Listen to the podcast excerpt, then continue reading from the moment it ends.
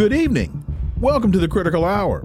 We're coming to you from the capital of the United States of America, Washington, D.C., here on Radio Sputnik. I'm your host, political scientist, author, and nationally syndicated columnist Dr. Wilmer Leon. I'm joined here by my co host, political analyst Garland Nixon. Thank you, Wilmer. For the next two hours, we will explore and analyze the salient news stories that are impacting the global village in which we live.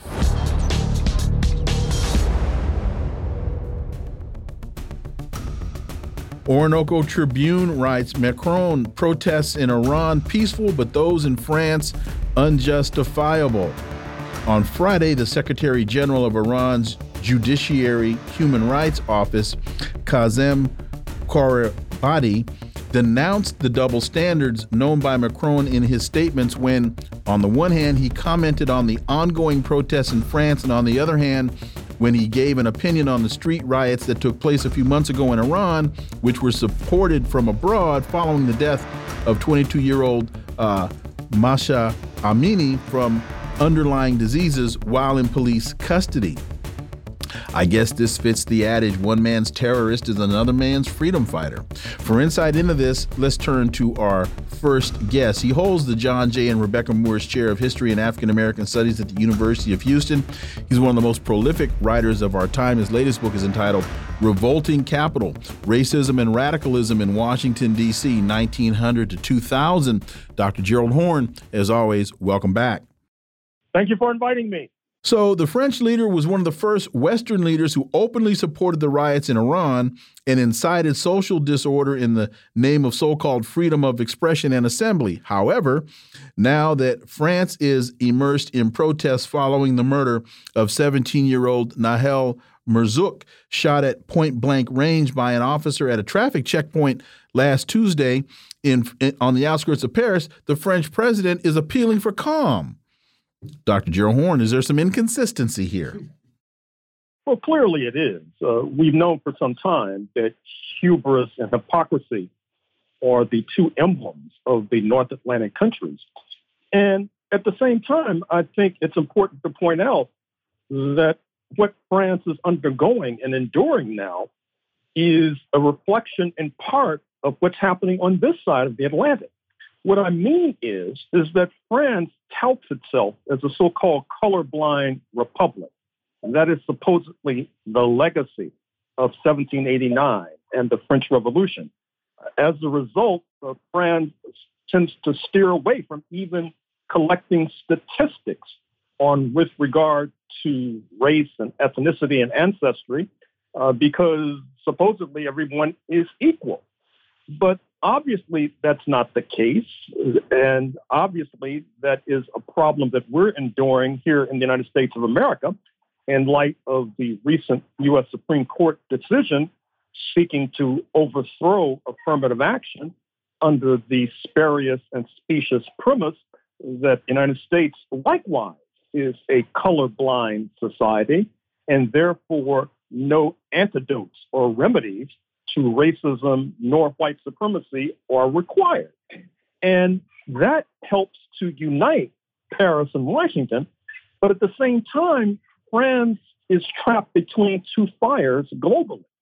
On the one hand, despite sharing that resemblance to the United States in terms of this hypocrisy concerning a colorblind society, uh, France's position, particularly in Africa, where it purports to be a leading power is being eroded by the Africa Command, being eroded by U.S. imperialism.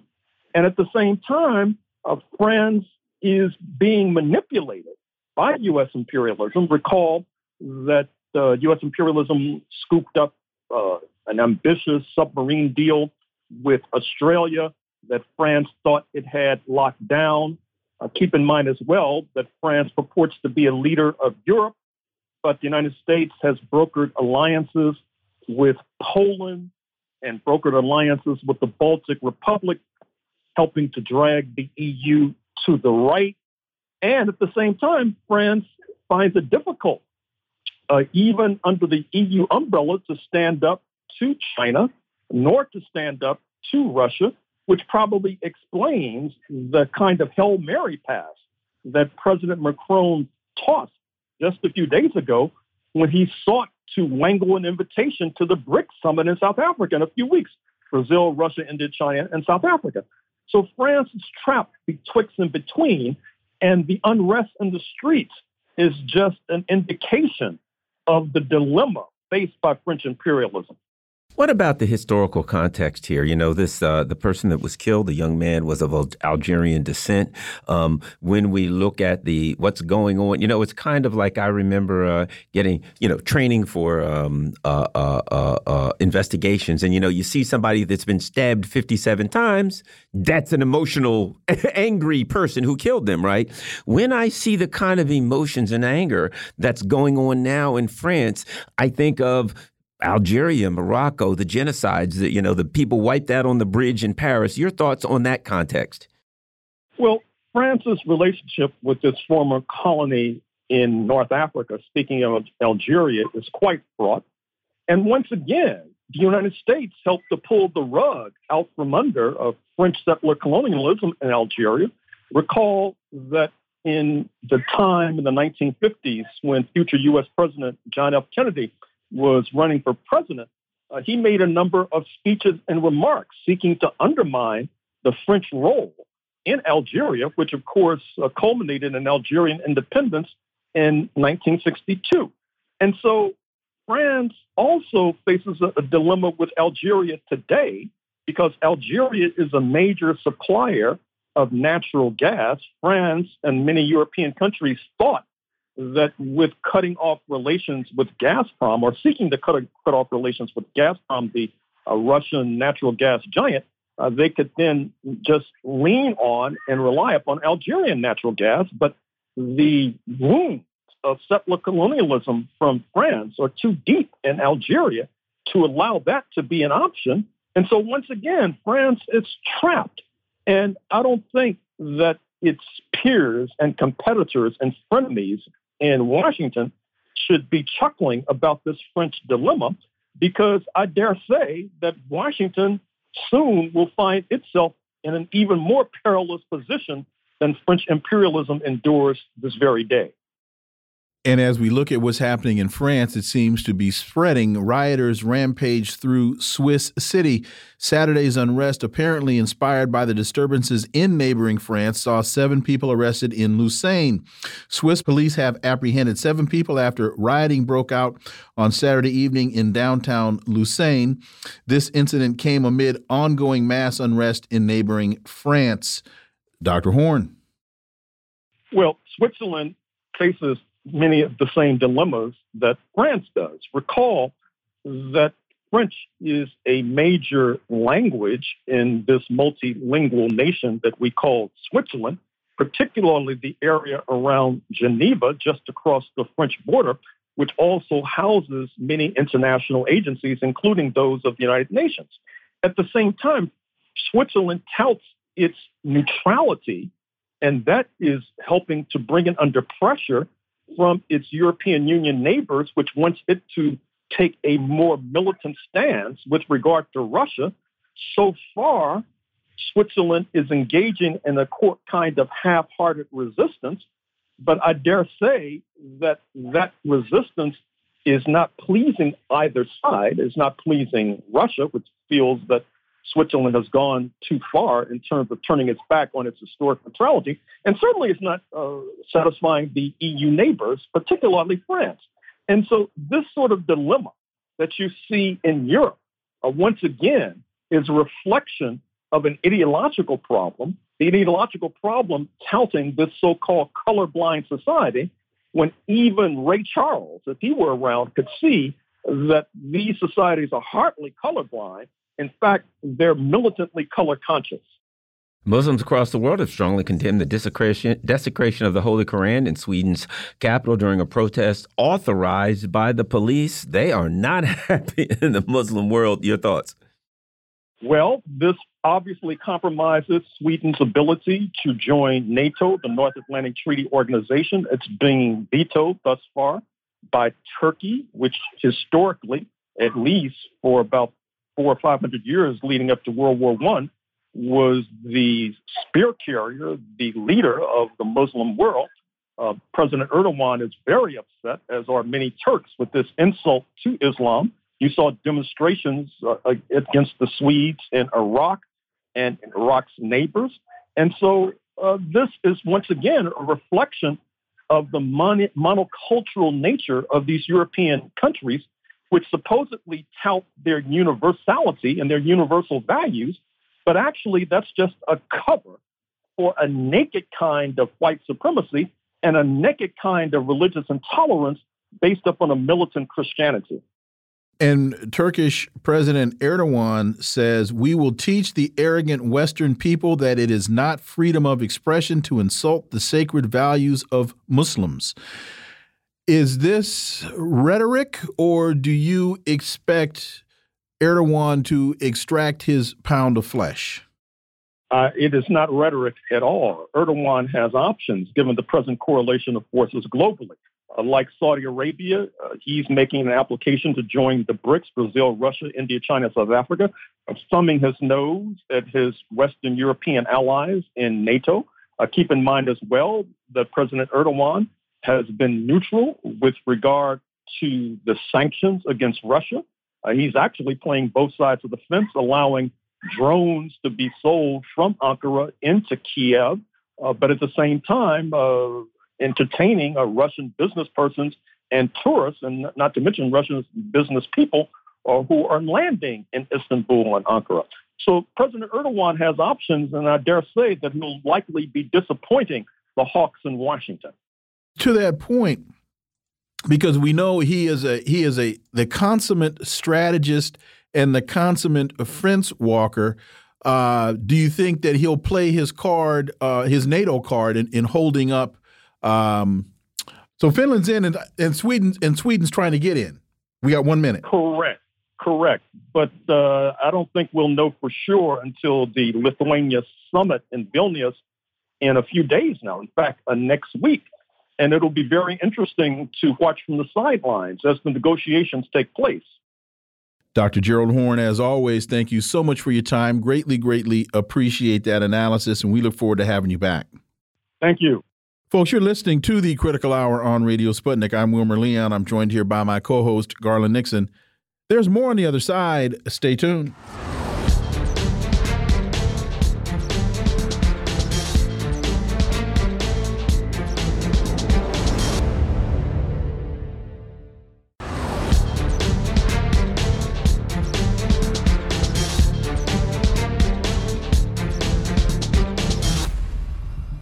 We are back, and you're listening to the Critical Hour on Radio Sputnik. I'm Wilmer Leon, joined here by my co host, Garland Nixon. Thank you, Wilmer. Ukraine's counteroffensive failing in all directions, according to Russian Defense Minister Sergei Shoigu, who, who, said today that the ongoing Ukrainian counteroffensive has not reached its goals in any of the directions of the military campaign. For insight into this, let's turn to our next guest. He's a Moscow based international relations and security analyst, Mark Sleboda. As always, Mark, welcome back.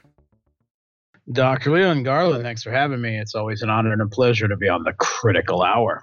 He also announced that Russian forces managed to destroy some 920 armored vehicles, including 16 Leopard tanks in Donbass and in the Zaporozhye regions last month. At the same time, Shoigu accused Ukrainian forces of carrying out strikes against civilian targets to make up for Kiev's inability to attain success on the battlefield. Your thoughts, Mark Sleboda. Okay, so um, on the battlefield, um, I would say that over the past few days, week, the Kiev regime has made some slow, um, marginal advances, uh, but that um, add up a little bit. Um, they have reached, I would uh, call the first of Russia's five defensive lines in uh, one place on the Zaporozhye front around Robotyne, uh, directly south of Orekhov, that has been fought over now for four weeks. Um, they partially cleared the first trenches of the defensive line and then are have been pushed back at least partially by a Russian counterattack, and there's ongoing heavy fighting there.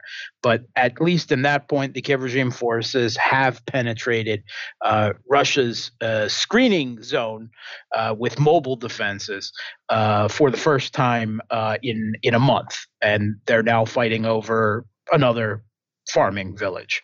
Um, in eastern Ukraine, in the flanks of Bakhmut, the Kiev regime has made uh, uh, some substantial gains to the south of Bakhmut. Um, they've taken uh, the first parts of trench networks defending the uh, settlement to the south of Bakhmut, Klashevka. Um, there is extremely heavy fighting going on there, uh, but it it is again where the Kiev regime has been pushing for a month now. The attrition is horrendous, uh, but they are making some gains. North of Bakhmut, in the direction of Barhovka, the Kiev regime and Russia are trading attacks and counterattacks on an almost daily basis. The fighting around Bakhmut right now is uh, at least as heavy, if not more heavy, uh, than uh, the uh, Zaporozhye front line in the south. I expect over the next 10 days, the Kiev regime is going to commit. It's going to throw it the entirety of uh, its forces that it has held in reserve to this point, which is some 70% of their forces. Um, the attrition will be crippling. Um, but I expect they will make gains in several places uh, and will likely clear the screening zone uh, and uh, at least the first defensive line of Russia's uh, in several places.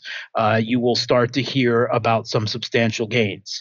Uh, this is intended to impress uh, the Kiev regime's Western uh, masters uh, just ahead of a July 11th and 12th big NATO meeting that has been billed at least by the media up as it being necessary for them to show some type of return on investment to get continued supplies of arms.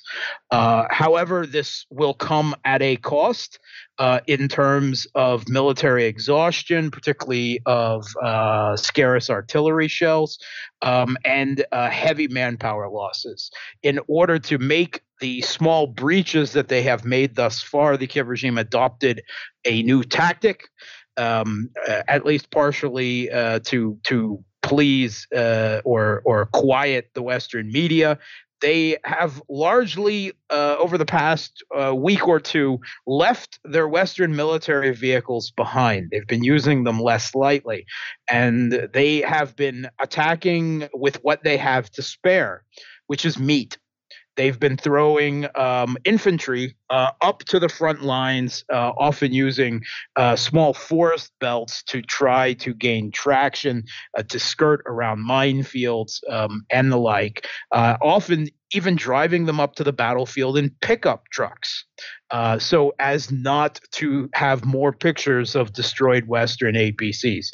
Um, and eventually, you know, on this lightly uh, defended mobile screening zone area in the front, they they have had some success, and and at least in one uh, or two places they have reached the first defensive lines. But the cost, of course, is enormous in manpower. Uh, Zaluzhny, the Kiev regime's general, um, uh, over the weekend uh, gave an interview to the Western press where he talked about uh, his his being quote unquote pissed off about the way that the Western media has been demanding, um, uh, you know, uh, success and is uh, perturbed by the slow progress of the Kiev regime. Uh, it's almost like you know the Kiev regime made a trailer or something talking about how wonderful and glorious and quick this was all going to be. Oh, but they did. Um, the he said that uh, in places Russia has a ten to one artillery advantage, complete air superiority, um, and um, that it is essentially like trying to storm the trenches fighting with bows and arrows because of the equipment and technological mismatch that they currently have on the battlefield. Uh, I suspect that they will throw enough meat to make gains to try to impress the West, but after they uh, will be exhausted and they will certainly not be able to achieve their larger goals. The Russian defensive lines will do what they're designed to do. They'll absorb the impact. They'll fall back in several places. The Kiev regime will become, forces will become strung out as they press deeper into the Russian echelon defenses, they will be an effective cauldron attacked from three sides, um, and uh, they will not be able to hold uh, any gains that they make. Uh, and uh, Russia will quickly be on a counteroffensive within a couple of months leading into NATO, I just think to myself, what what they're going to do. Kind of a, a, a, a, quick story. When I was in uh, training in the academy, I had one of our recruits say to me, Sergeant Nixon, how do I become a? I had a little pistol expert badge. How do I become a pistol expert? And I said, that's easy. Just aim down range and whatever you hit, call it the target, right? And I think that's what we're looking at. They're going to throw a bunch of people at the lines, and whatever happens, eh, so they lose 10 or 20, 30,000. They don't care. Whatever happens, they go to Vilnius and they say, look at that. We have had great success. Doesn't matter what it is, what happens, they're going to go there and brag about the great success they've had at the expense of literally tens of thousands of Ukrainians. Your thoughts, Mark? Yeah, sure. Um, they will. They will, of course, spin it to the the greatest uh, extent that they can, uh, and ultimately, uh, whatever uh, political grumbling and um, uh, local partisan disputes there are over the spending, uh, they will be put aside uh, over larger geopolitical goals. And they will continue sending whatever they can. Right now, the, the Western media is full of stories that the U.S. is just about to send F 16s, and they're just about to send ATACMS missiles, which the Pentagon would prefer to reserve for war with China in the Pacific. And they're just about to send cluster munitions, none of which would be a game changer in the battlefield. And even altogether, they wouldn't be a game changer on the battlefield. Uh, but um, it, it, it satisfies the need, the continuing need to do something by escalating. And of course, it continually feeds the, the U.S.'s military industrial complex, uh, which is a, a now bloated and vast, uh, vastly profiting beast uh, over this conflict. Uh, to your point, the U.S. close to providing Ukraine with widely banned cluster bombs. That's one story. And then the other story in the uh, Libertarian Institute Ukrainian forces are using outlawed mines. Human Rights Watch found that Ukrainian troops have been using scatter mines. The anti personnel weapons are internationally banned, including by Kiev, because of their devastating impact on civilians. Mark Sleboda. Okay, so neither the U.S. Uh, nor Russia nor Ukraine are party to any bans on either mines or cluster munitions, uh, and there's some gray area in between the two weapons, even you could say. Uh, mine warfare is very heavy right now um, on both sides. Uh, the Kiev, both sides have been using remote mining systems uh, where they're able to fire like a rocket system and remotely spread mines over an area. At least some of the more modern Russian systems, they're also able to automatically then demine the mine field to to shut the mines off, uh, which is an advantage uh, for uh, later uh, counteroffensives in an area, but they have proved extremely effective, uh, particularly around the Zaporozhia area. Um, in uh, blunting uh, the Kiev regime's attempts at a some type of U.S uh, in Iraq imitation blitzkrieg offensive, and we've seen truly horrific videos of of uh, uh, Kiev regime troops uh, jumping out of infantry fighting vehicles and one after another being blown up by mines as uh, anti-personnel mines as they attempt uh, to help each other. Um, and you know scenes like that are truly heartbreaking. But this is a war and a particularly modern and vicious one. Um, with regards, in particular, to cluster munitions. Uh, the Kiev regime, both sides use cluster munitions. The Kiev regime has been using them most particularly on urban areas, on civilians. Uh, they've been shelling Donetsk uh, city with cluster munitions for some 10, all going on 10 years now. Uh, the type they've been using are called petal mines. They are of a dull uh, kind of green in color uh, they land and uh, it's very easy to mistake them for a leaf on the ground, which is why they're called petal mines. Um, they have uh, racked up civilian casualties uh, in Donetsk uh, for a long period in time, and it, it seems nothing more than spite to punish the pro-Russian populations, the civilians of those areas, which the Kiev regime dehumanizes as collaborators. Human Rights has long reported on this practice.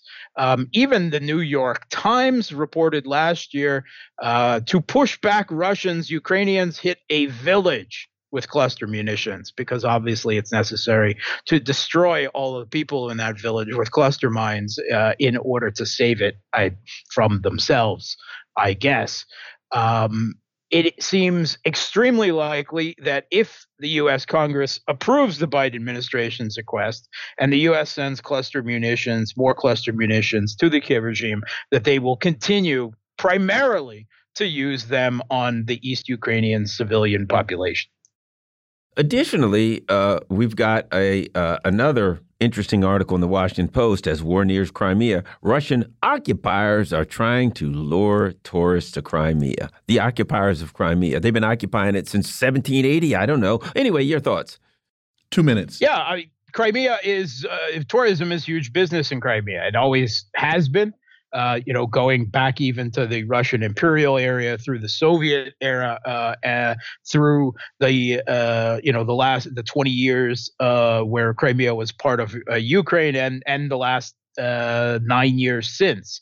Um, Crimea uh, tourism has really peaked because Russia has invested large amounts of money that that the that Ukraine never did in uh, upgrading, you know, the facilities to uh, improve, make it a, a, nicer experience, improve transportation facilities and the like, the beaches, um, and uh, it continues to be a high tourist destination. I believe tourism is down somewhat this year uh, because of the recent uh, uh, Western munitions that have been used to attack, like Storm Shadows and HIMARS, from distances, and Zelensky's constant braying that he's going to take Crimea someday, presumably mm. in a mythical far future.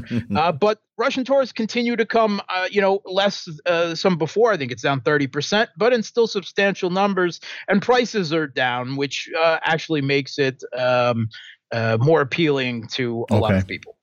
Mark Sleboda, as always, thank you so much for your time. Greatly, greatly appreciate that analysis, and we look forward to having you back. Thanks for having me.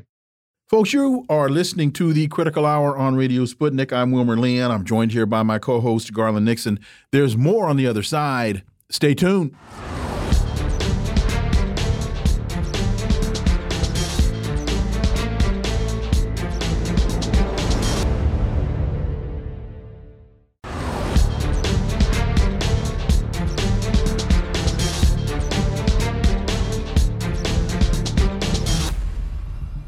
We are back, and you're listening to the Critical Hour on Radio Sputnik. I'm Wilmer Leon, joined here by my co host, Garland Nixon. Thank you, Wilmer.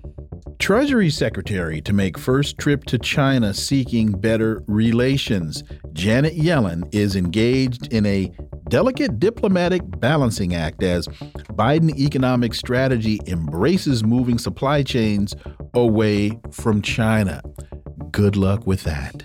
For insight, we turn to our next guest. He's a peace activist, writer, and teacher, KJ Noh. As always, KJ, welcome back.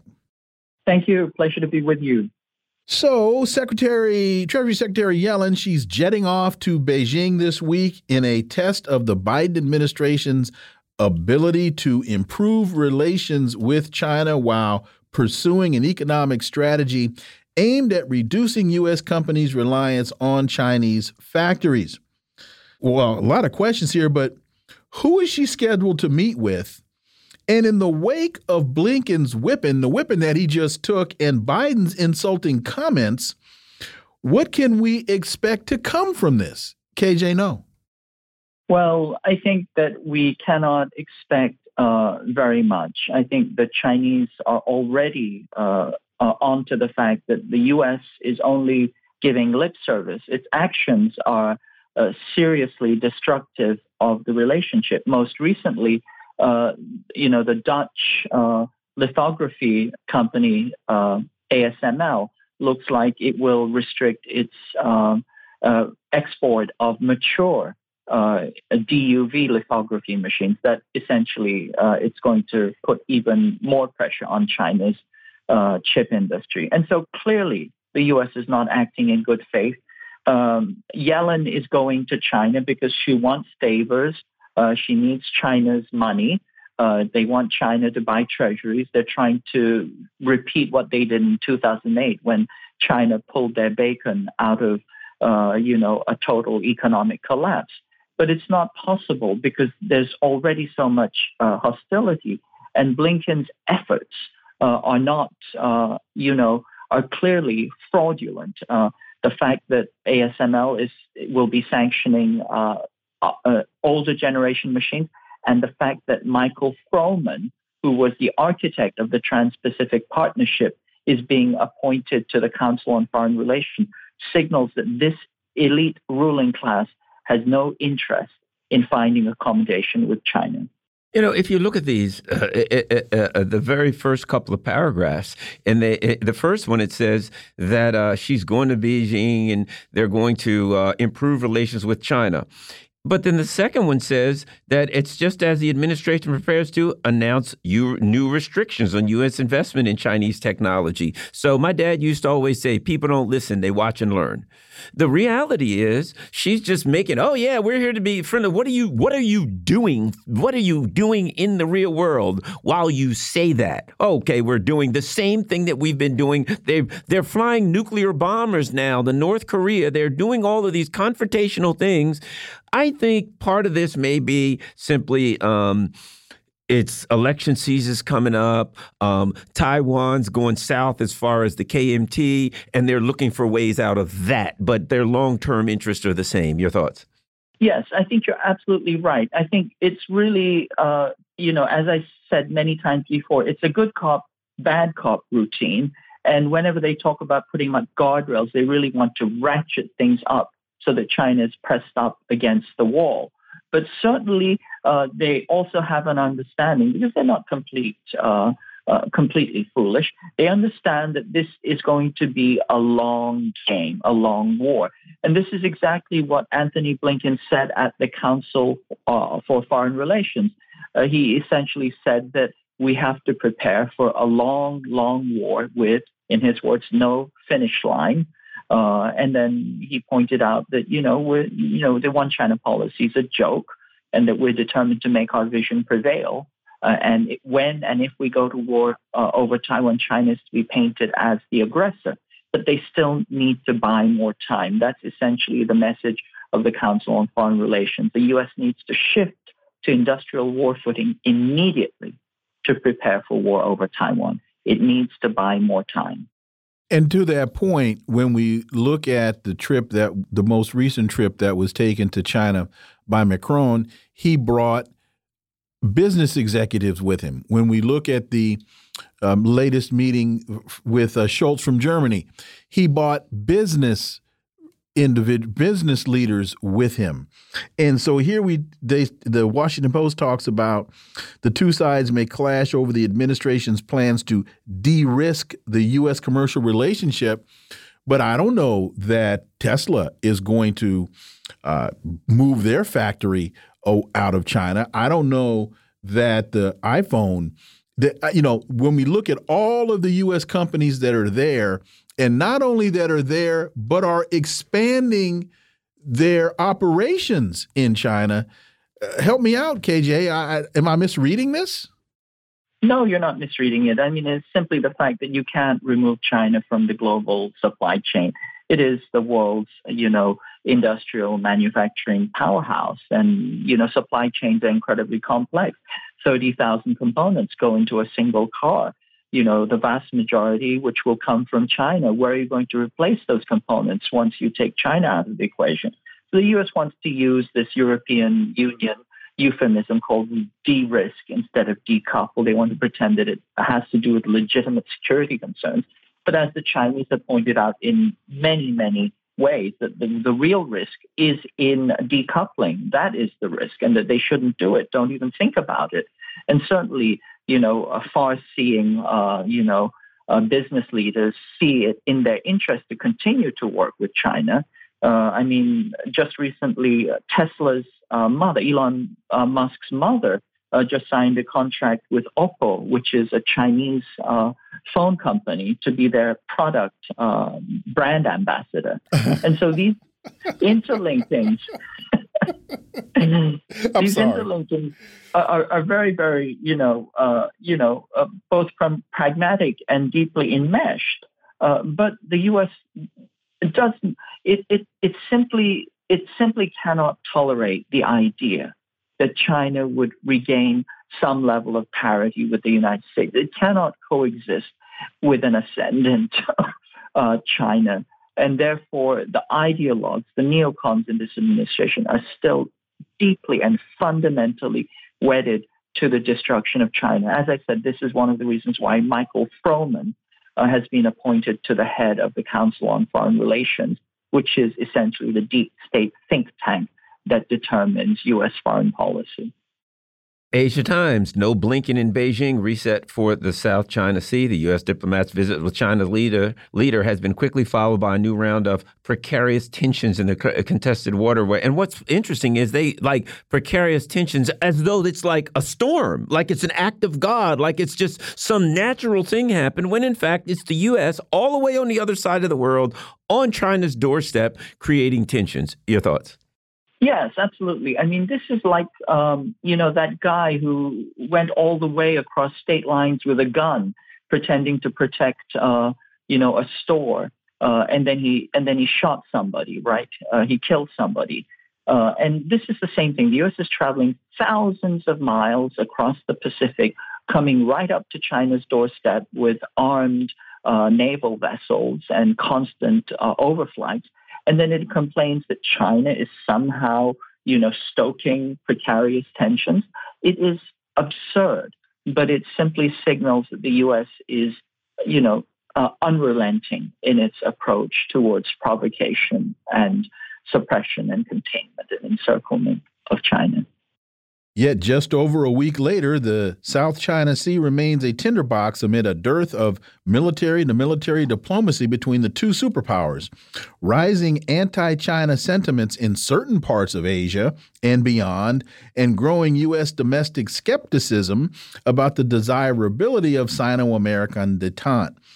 While I don't know, uh, this rising anti China sentiment in certain parts of Asia, well, some of the elites may be feeling that way, but the polling seems to indicate that the people don't feel that way.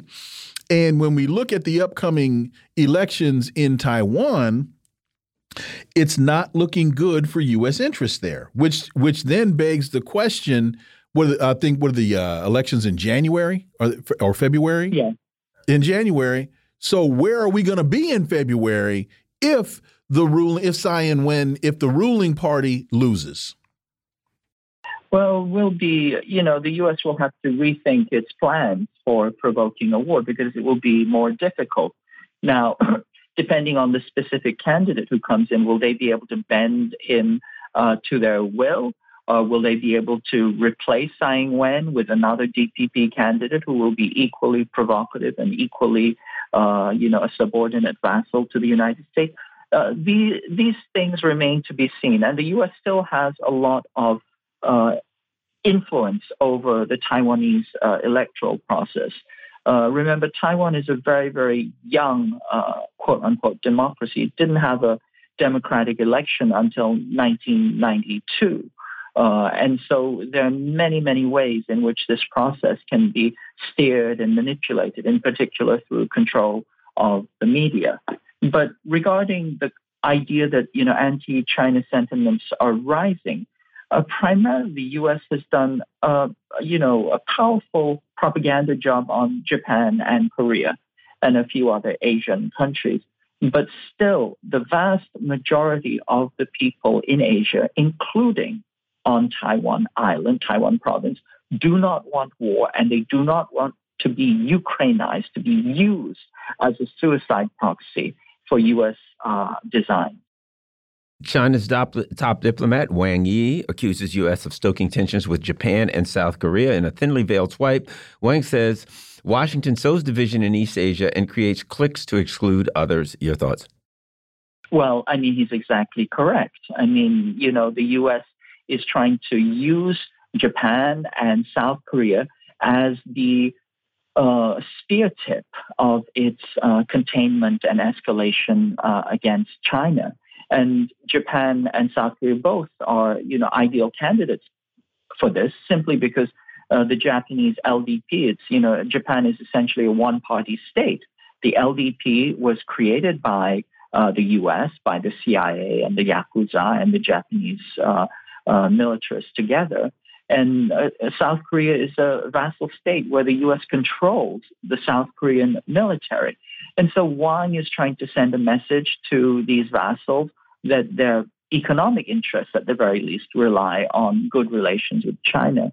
But I certainly doubt that they're going to listen very carefully. And I think they're so bought in to the U.S. geopolitical agenda that I don't see this uh, doing an about face anytime soon. It's an interesting appeal. It's a cultural appeal, as he talks about common homeland. And then it's also a economic appeal when he talks about all have advanced rapidly and successfully through modernization and peaceful development. Well, all that makes perfect sense. I guess so. I mean, South Korea had a genocide which wiped out progressives. Uh, Japan was, you know, genocidal both in intent and practice all over Asia. And as for cultural homeland, you know, uh, clearly Japan, China, Korea, Vietnam are all part of the Sinosphere. All you have to do is look at the writing that they use or use, and you'll understand that that is a complete and total misreading of history and culture. And lastly, Ethiopia officially requests to join BRICS. We got about a minute. Yes. So Ethiopia, uh, along with uh, 30 other countries, it was 19 a, a short while ago, but the 30 other countries are now attempting to join BRICS. And so they see, you know, where the writing is on the wall. Uh, clearly, it's in their interest to, to, become part of the Belt and Road. And I think that this will be uh, positively received. Uh, and it will allow Ethiopia to get out of this neoliberal debt trap slavery that has kept all of Africa from developing. You know, the, the I in BRICS, I think, stands for India. With the recent visit here from Modi, what is what is Biden? How, how, what is he expecting to do? Well, you know, the U.S. is trying to uh, do two things to India. It's trying to pull it out of the BRICS, make it, you know, fall back in line with the Quad, which is now a very weakened uh, you know, formation. Mm-hmm. Uh, and at the same time, he wants to uh, threaten India in case it doesn't fall in line. And this is all the human rights okay. Uh, stuff that is coming up. KJ Noh, as always, thank you so much for your time. Greatly, greatly appreciate that analysis, and we look forward to having you back. Thank you. Always a pleasure. Folks, you're listening to the Critical Hour on Radio Sputnik. I'm Wilmer Leon. I'm joined here by my co host, Garland Nixon. There's more on the other side. Stay tuned.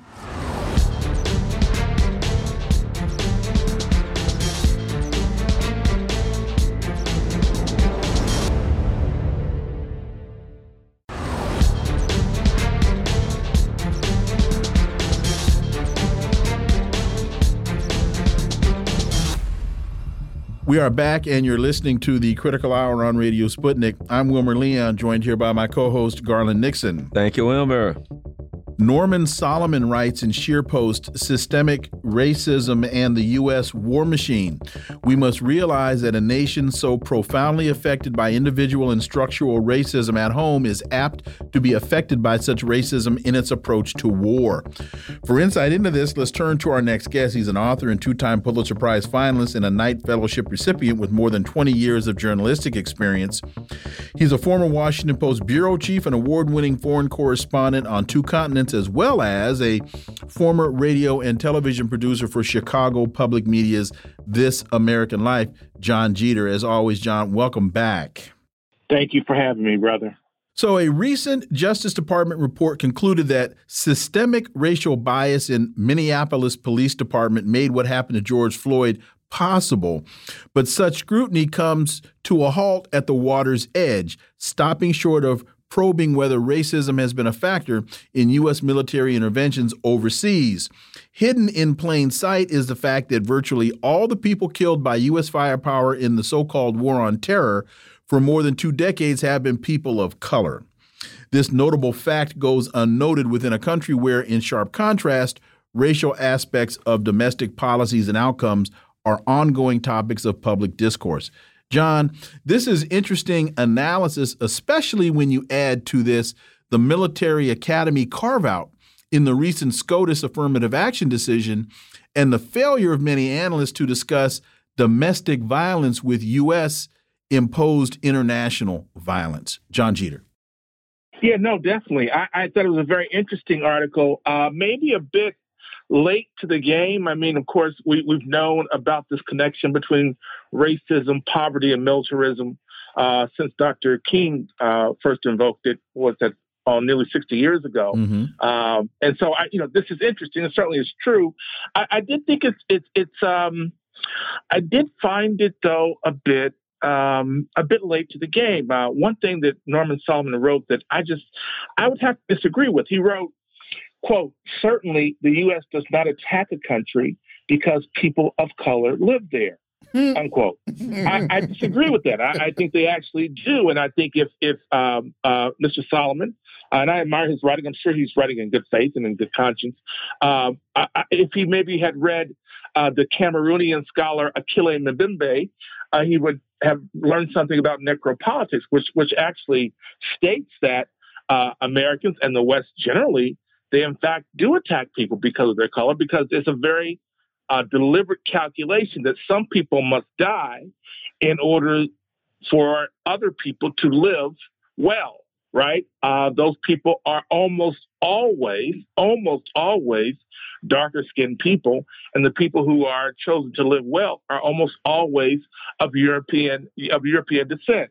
Uh, and so, you know, this is a, that, that of course is a much deeper story, much longer story about the behavioral economics of uh, racism. Uh, and its ties to militarism and poverty. Uh, but certainly on its face, I do think uh, Norman Solomon is onto something here. Uh, and, and as you pointed out, the, the carve out in the um, Supreme Court decision on affirmative action, which uh, which sort of uh, relies on blacks and black and brown people as cannon fodder for the military, uh, is a is a really kind of a startling um, a, a kind of a startling development, right? That they would sort of uh, make that exception for the military academy.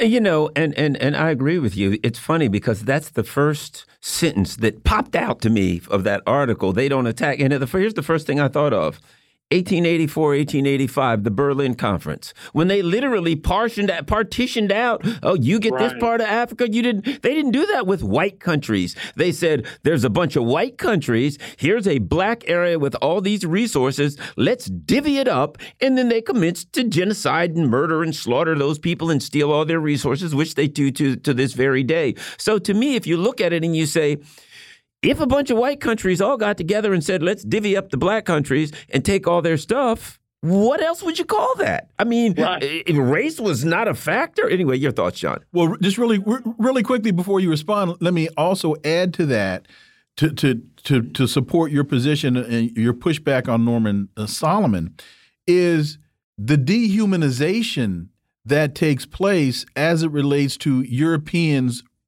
looking to people of color. They don't see them as human. So they are going to just by sheer uh, the garden, reaction. Josep Borrell. The, the, the garden, garden, is versus a, the jungle. Is a jungle versus a jungle. So, so when you don't see people as human, it is much easier to attack them and exterminate them because you see them as vermin. No, that's exactly right. I mean, uh, war is, uh, certainly in the white settler context, war is by definition racist. It dehumanizes the people so that you can kill them easier, right? And this goes back, you know, many, many years to, uh, you know, frankly, um, and this is something else that popped into my head when I was reading this story by Norman Solomon. It goes back to Napoleon invading Egypt, uh, was in 1802, and what Edward Said calls the theory of Orientalism, where you bring in uh, white people to write about the darker skinned people to qualify their oppression. And that, you know, I, I'm not I'm not at all accusing Norman Solomon of doing that, but it seems that he's sort of unconscious of this history whereby uh, there is a deliberate and concerted effort to dehumanize people in order to qualify their oppression and uh, more explicitly to empower, if you will, uh, uh, uh, the, the, the gendarme and the and the soldiers uh, to kill with sort of impunity without any kind of thought to their humanity. We see this even in what's going on in France right now, I think, right? Where you see uh, the police uh, have attacked and killed this young 17 year old, I believe, boy who was a motorist, unarmed. They shot and killed him. People are out in the streets. Uh, but the police are saying, well, you know, we don't need an olive branch extended to these people. We're, they're talking about the language of war, of attacking the people, the protesters who are in the streets, who are exercising uh, uh, their democratic right. They're getting violent, but of course, you know, uh, uh violence is the language of the, uh, uh, the was it the language of the unheard? Um, and, and, so, it, yeah, there's this link that is sort of.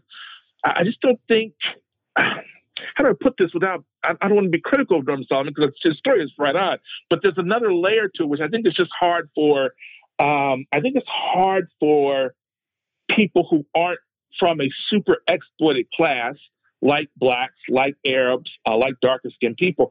I think there's a layer to it that is very difficult for those people who aren't from these super exploited classes to sort of get to, to sort of define, to sort of get their arms around. You know, you got to add this, and and we all covered this, and we discussed this before. But at the beginning of this uh, Ukraine conflict, you had so-called liberals. Well, the um, these people are like us. They're Christians. They're um, blonde haired, blue eyes. They're Europeans. We never thought we'd see that. They made it clear. And these are these so called liberal channels CNN, MSNBC, BBC um, saying they are shocked because we're accustomed to the Muslims and the brown people and all of that's getting bombed. I mean, hey, that's their lot in life. They shouldn't have, they should have been born white. They wouldn't have to go through all that. But my God, these are white people. Right. Your thoughts? Right again, you know, uh, Mbembe, I, I, would just urge anyone to read him or, or maybe find some of his videos on, on YouTube. He's so clear about this, right? It's very much a calculation uh, created by this sort of colonial order. You know, we a lot of times we talk we call it collateral damage. But what you're describing, where the, the surprise, the shock, and the awe of white people being subjected to what darker skinned people have been subjected to for centuries, right? At the hands of the West. I mean, it's very telling, right? You know, some deaths are acceptable so that we can live better. By we, I mean, of course, you know, mostly European people. Uh, and other deaths are not acceptable. And that's exactly what's going on here. It's really a stunning conversation. I do think, you know, I, I give credit to Norman Solomon and ScheerPost for writing this story, but you know, I really wish there was a deeper conversation to be had, particularly by the ScheerPost. Which you know, I, I, let's just be honest, I, I, just wish that maybe they had some more uh, some black reporters. I don't know if they employ any black reporters uh, to really sort of go deeper on this subject, as, as Rickey Smiley might say. You know, we need to go deeper. You know, uh, but it's interesting. It's still interesting. Chris Hedges in ScheerPost, they lied about Afghanistan, they lied about Iraq, and they're lying about Ukraine. The U.S. public has been conned once again into pouring billions into another endless war. The playbook the pimps of war used to lure us into one military fiasco after another, including Vietnam, Afghanistan, Iraq, Libya, Syria, and now Ukraine, does not change. Freedom and democracy are threatened. Evil must be vanquished. Human rights must be protected. The fate of Europe and NATO, along with a rules based international order, is at stake. Victory is assured. Jon Jeter. Yeah, again, I, I of course I agree with with Hedges. Uh, you know, this is uh, a theme, particularly in the 21st century, uh, as the United States, in particular, in the West uh, more generally, has um, you know mostly offshored its most productive sectors of its economy, and they're looking for other ways to make money for investors, uh, and that that centers typically around war. Uh, that's what Barack Obama's election as president was all about. Uh, blackface to sort of keep this con going. Uh, and and that's what we're seeing. I would again, and I'm not trying to be contrarian uh, today, uh, people. I swear I'm not. But again, I take slight issue with something that uh, Hedges wrote about. Uh, he, he says, "quote the Russian invasion of Ukraine was mm-hmm. a war crime, mm-hmm. unquote. Mm-hmm. Uh, although he, he, he, he does know it was provoked by NATO expansion. I, I, don't know. Maybe it is, right? But what about the, the violation of the Minsk Accords? Was that a war crime? What about the fact that uh, um, uh, Germany's former uh, prime minister said that uh, um, Ukraine and the United States never had any intention of abiding by the Minsk Accords. They just wanted to rearm so they could go to war. What about the violation of people in the eastern regions of uh, Donbass and uh, Ukraine's eastern regions and Donbass? What about their violation of people's rights there? Their attacks on the people, their attacks on their language, Russian speaking people, people who have more of an affinity towards Russia. You know, I, I just think it's it's it's it's sort of disingenuous to say that Russia's invasion of Ukraine was a war crime what about everything that led up to that? And here's something else I'll say too about that. Uh, what would have been an even bigger war crime would have been if Vladimir Putin just turned the other cheek and allowed uh, Ukraine to uh, join NATO and place nuclear weapons on their border that would be facing uh, uh, Russia. I think that would have been an even bigger war crime. But certainly, it would have been an abdication of his responsibility as Russia's leader because Everybody knows, everybody in the world knows after Libya, they know what's coming next, and it ain't pretty. So, uh, you know, again, a good piece. Mm-hmm. I certainly agree wholeheartedly, but I, I, just think there's some finer points here that are, that are sort of missed by uh, Hedges in in this article, or maybe something that deserves maybe more of an explanation. Um, maybe it was a it was a war, war crime, but it, it's serious business. Uh, we, we got about 15 seconds. I think some of that because we hear this regularly, whether it's Ukraine or whether it's Israel. I support Israel, but you know Israel has a right to exist, but uh, you know this whole thing in Ukraine is bad, but it would. So uh, it, I think it's a way. It's a very uh, way to protect oneself against anti-American criticism. Jon Jeter, as always, thank you so much for your time. Greatly, greatly appreciate that analysis, and we look forward to having you back. Thank you both. Folks, you're listening to the Critical Hour on Radio Sputnik. I'm Wilmer Leon. I'm joined here by my co host, Garland Nixon. There's another hour on the other side. Stay tuned.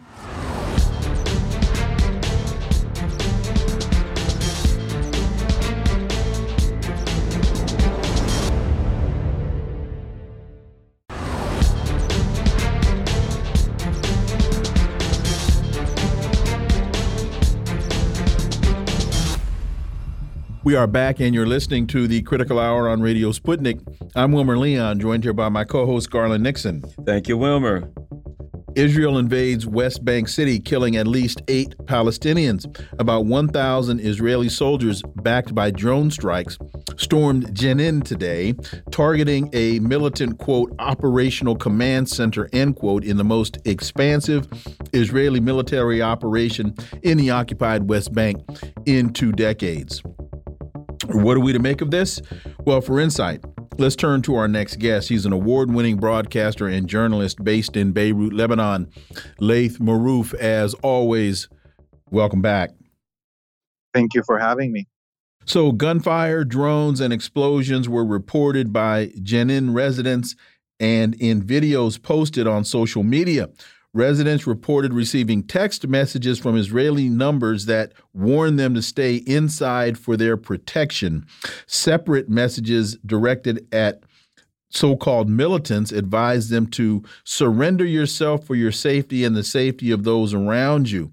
The assaults marked the start of an extensive, quote, an extensive counterterrorism effort centered on the densely populated Jenin refugee camp this is according to Israeli officials. Laith, first of all, how can this be a, a counterterrorism effort when the folks in the refugee camp are the ones under occupation? So, since we understand international law tells us that those under occupation can use any means at their disposal to resist the occupation, I don't know how they can be defined as terrorists, Laith Marouf. They are definitely the terrorized, not the terrorists. Uh, the Palestinians uh, have been living uh, the worst kind of uh, terrorism for 80 years. Uh, Jenin itself, as a refugee camp, as a city, has uh, seen some of the worst massacres over those 80 years. 20 years ago, of course, was the invasion of Jenin uh, where the Israelis demolished uh, much of the center of the refugee camp on top of the residents, and hundreds of people were uh, killed or injured in that attack. Today, Jenin is much stronger than it was before, and it's now been 24 hours attempting. Uh, the Zionists attempting to enter the refugee camp and have not been able to. And as we saw, it's the first time that they used uh, missiles uh, shooting on on the on the camp since uh, 2002, and so uh, you know it, it tells you a lot. On the one hand, it says that the Israeli military is in a really uh, desperate situation where they are not able to actually achieve their supposed goals in this attack, and it also tells you that the Palestinians are much stronger today uh, I watched uh, live all day the broadcast, and so many attempts by the Israelis to enter the camp have failed. Uh, they, some of the units, even of the Israelis, got stuck, and and uh, there was huge firefights to attempt to extract them from there. Uh, and of course, the Israelis are targeting much of the civilian infrastructure. They destroyed all the main streets uh, with big bulldozers. they uh, attacked uh, multiple ambulances and uh, uh, uh, you know Doctors Without Borders and the Red Cross both made statements today. you know, talking about how Israel is targeting specifically the medical services in the camp and the ambulances that are attempting to aid people. There's at least three Israeli soldiers dead um, and much more injured. And uh, until now, we know that there's eight Palestinians that have been martyred and at least 30 that are injured uh, there. You know, they they say our main focus is basically breaking that safe haven mentality, and they eh, eh, they're speaking as though you know Jenin is a a location that all they have to do is stop this one location and it knocks things out. When the fact of the matter is that because of what's happening with the Palestinians, if Jenin disappeared tomorrow, they'd fight from somewhere else because this is not about any particular town or spot or refugee camp. This is about an overall occupation. Laith. It's been eight decades of nonstop attempts by Israel to crush the Palestinians. They've killed so many people. They've, you know, so many generations have suffered, but that will never stop the resistance of Palestinians because, you know, the Palestinians are looking for equality. They're looking for their rights, and they will not give up on that. In fact, uh, you know, you brought up the issue of targeting Jenin specifically. You know, uh, the Lions Den group from Nablus uh, made a statement a few hours ago saying that they uh, were able to uh, smuggle themselves into Jenin in the middle of the fight and join their the, their colleagues, uh, their comrades fighting the Israelis in Jenin. Um, the resistance groups all across Palestine have called on Palestinians to uh, go out on the streets in all of historic Palestine uh, to, tonight, uh, in the last 15 uh, minutes, actually, that that started. Uh, it was uh, scheduled for, uh, you know, the the, the evening after sunset, and this is what's happening right now. We know that in most of the locations in the West Bank right now, there is confrontations at the at the checkpoints, um, and there is the Israelis canceled a lot of festivities and concerts that were in the south of uh, historic Palestine near the Gaza border because of fear that at any moment uh, Gaza will also enter the fray and start firing missiles onto Israeli colonies. And this is, of course, not even talking about the rest of the axis of resistance. If this continues and escalates, uh, there's a possibility of all those fronts opening with Lebanon and Syria also. Orinoco Tribune has a really interesting piece Zionist myths. Israeli invention of national symbols. If a random group of highly educated individuals were asked to establish the city of Jerusalem, some might plead ignorance, but most would likely answer King David. After all, it's ostensibly known as the City of David. This example demonstrates how unchallenged legends originating from non historical documents like religious texts can shape the, sophist the sophistical historical narratives. And uh, so this article delves into major Zionist wanted myths that are accepted at face value in the West. Laith Marouf. Of course, uh, you know, Jerusalem, the word Jerusalem comes from the Canaanite uh, word of Or Shalem, which means the city built by the god Shalem, who is the god uh, of dusk in the Canaanite uh, uh, religion and uh, that was 4,000 years before the birth of Moses. Uh, you know, so even the city itself, the name of it, who built it, how it was built, uh, the what we call now the uh, um, uh, Aqsa Mosque and the holy sanctuary around it was built as a temple for uh, the god Shalem and was converted, of course, to becoming uh, you know, a, a, church and eventually a mosque. There is now 80 years of, or more than 80 years, 100 and somewhat years of uh, archaeologists from the West and Zionists attempting to find any evidence of the existence of a temple in in Jerusalem, and they've dug under the the the, the mosque uh, so many tunnels, and they haven't until today been able to find any archaeological record in all of Palestine, let alone in uh, Jerusalem, uh, of a pre uh, pre-Roman uh, Jewish existence. So we know that most probably, of course, everything that was in the Old Testament um, happened somewhere else, if it even happened. Um, so this this and among many other uh, myths that the Zionists uh, have have depended on um, um, are only possible with the ignorance uh, that exists in the West. Well, let's not also forget, Joe Biden himself once said, if Israel did not exist, we'd have to create it to address our our our um, interest in the region. The reality is the, the, that Israel exists so that the U.S. empire and the colonial powers of of Europe can um, project military power into a region where there's lots of oils and oil and gas and natural resources. That this is not about religion. This is not about Judeo-Christian. This is ethics. None of that stuff that they say. This is about pure, raw military power. That's why they arm Israel to the teeth, and it's simply a weapon, a sharpened up weapon um, for the area. That is that's my thoughts. Your thoughts, um?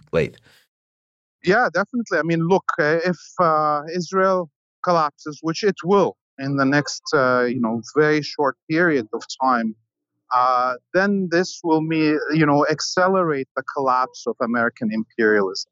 And uh, this is why it is very important for anyone looking for liberation from imperialism anywhere on this planet uh, uh, to actually stand with the Palestinian people in this struggle because it, the liberation of Palestine will benefit all of humanity and it will accelerate the end of a millennia of uh, Western invasions, European invasions into the rest of this planet.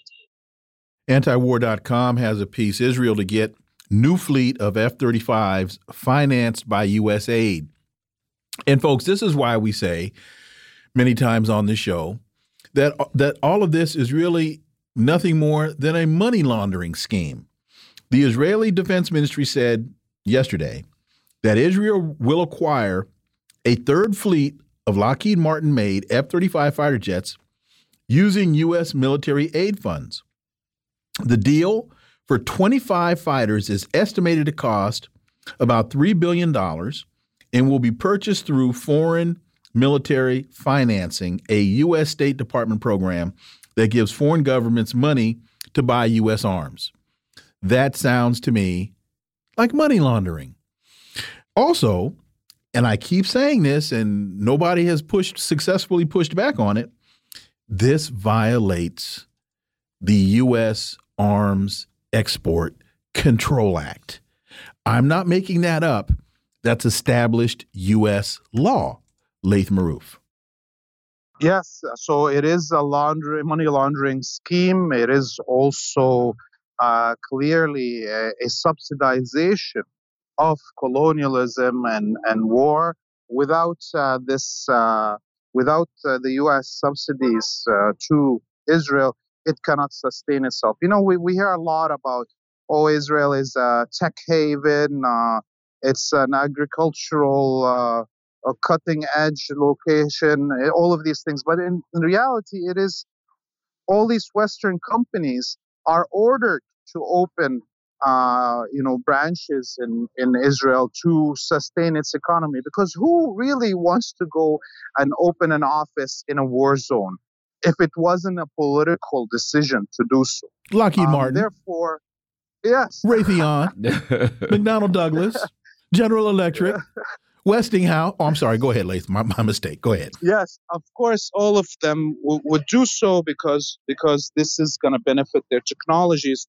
But it's not good business in, in usual terms to mm-hmm. open uh, in in a war zone. And of course, it would make more sense for any company to have the market of 500 million Arabs on their side than have to just put their money in, in a market of 7 million uh, Israelis. So uh, it doesn't even make sense from a capitalist point of view. Uh, so what we know is Israel is a uh, beachhead colony that is there to uh, guarantee the continued control uh, of the West uh, um, um, for the region of Western Asia and North Africa and uh, all the waterways and, and, and trade routes uh, that, that come with it, uh, let alone, of course, the oil and gas that's there. Laith Marouf, as always, thank you so much for your time. Greatly, greatly appreciate that analysis, and we look forward to having you back. You have a great evening. Folks, you're listening to the Critical Hour on Radio Sputnik. I'm Wilmer Leon. I'm joined here by my co host, Garland Nixon. There's more on the other side. Stay tuned.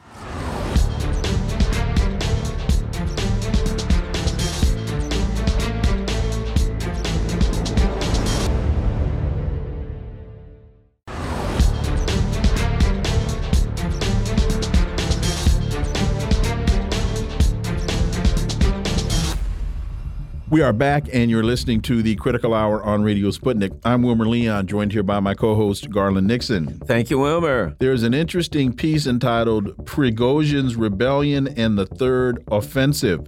Much has been made in the U.S. propaganda heavy public media about the recently aborted rebellion, quote unquote, by Russia's mercenary Wagner division, led by a former fast food restaurateur, Russian oligarch Prigozhin. The U.S. media and the neocons in the U.S. government are trying to paint a picture. The whole affair means there's a deep crisis in the Russian government and major weakening of Putin's regime. At least that's the spin. For insight into this, let's turn to our next guest. He holds a PhD in political economy, taught economics at St. Mary's College in California. He's the author of a number of books, including The Scourge of Neoliberalism, U.S. Economic Policy from Reagan to Trump, and he's the author of this piece. Dr. Jack Rasmus, as always, Jack, welcome back. My pleasure.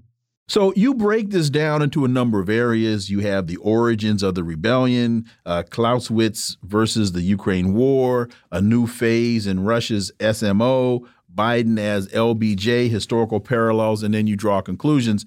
I'd like to go to what your area, the third Ukrainian war offensive. Uh, you write the demise of Prigozhin and the absorption of Wagner, Wagner forces may represent a new phase in Russia's Special Military Operation, or SMO.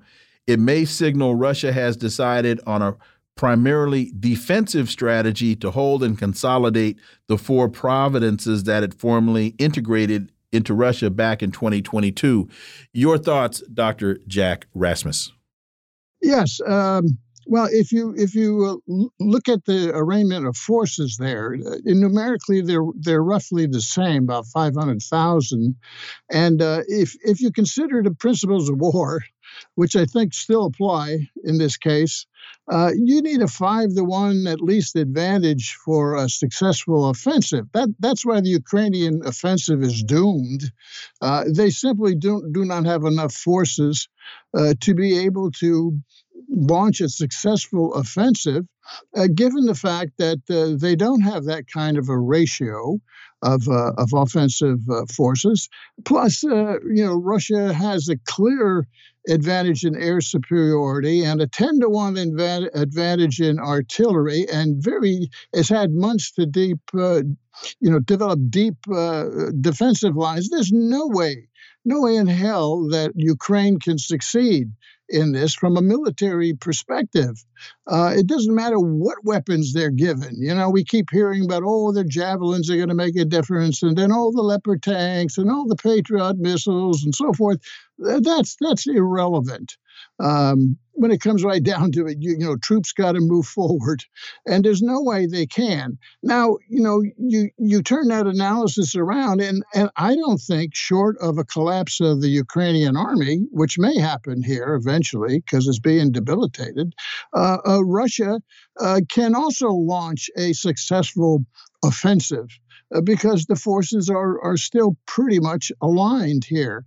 Um, so that's the basis of, of my my analysis here, and and I think Russia knows this, and Russia isn't going to waste uh, manpower the way Ukraine is wasting its manpower uh, to attempt to uh, rush across the, the, the plains of, of eastern uh, uh, Ukraine. You know, there's too much analysis here uh, through the prism of World War II. You know, when you had big armored battalions moving uh, in millions across the plain there in, in Russia back and forth. Uh, those days are gone.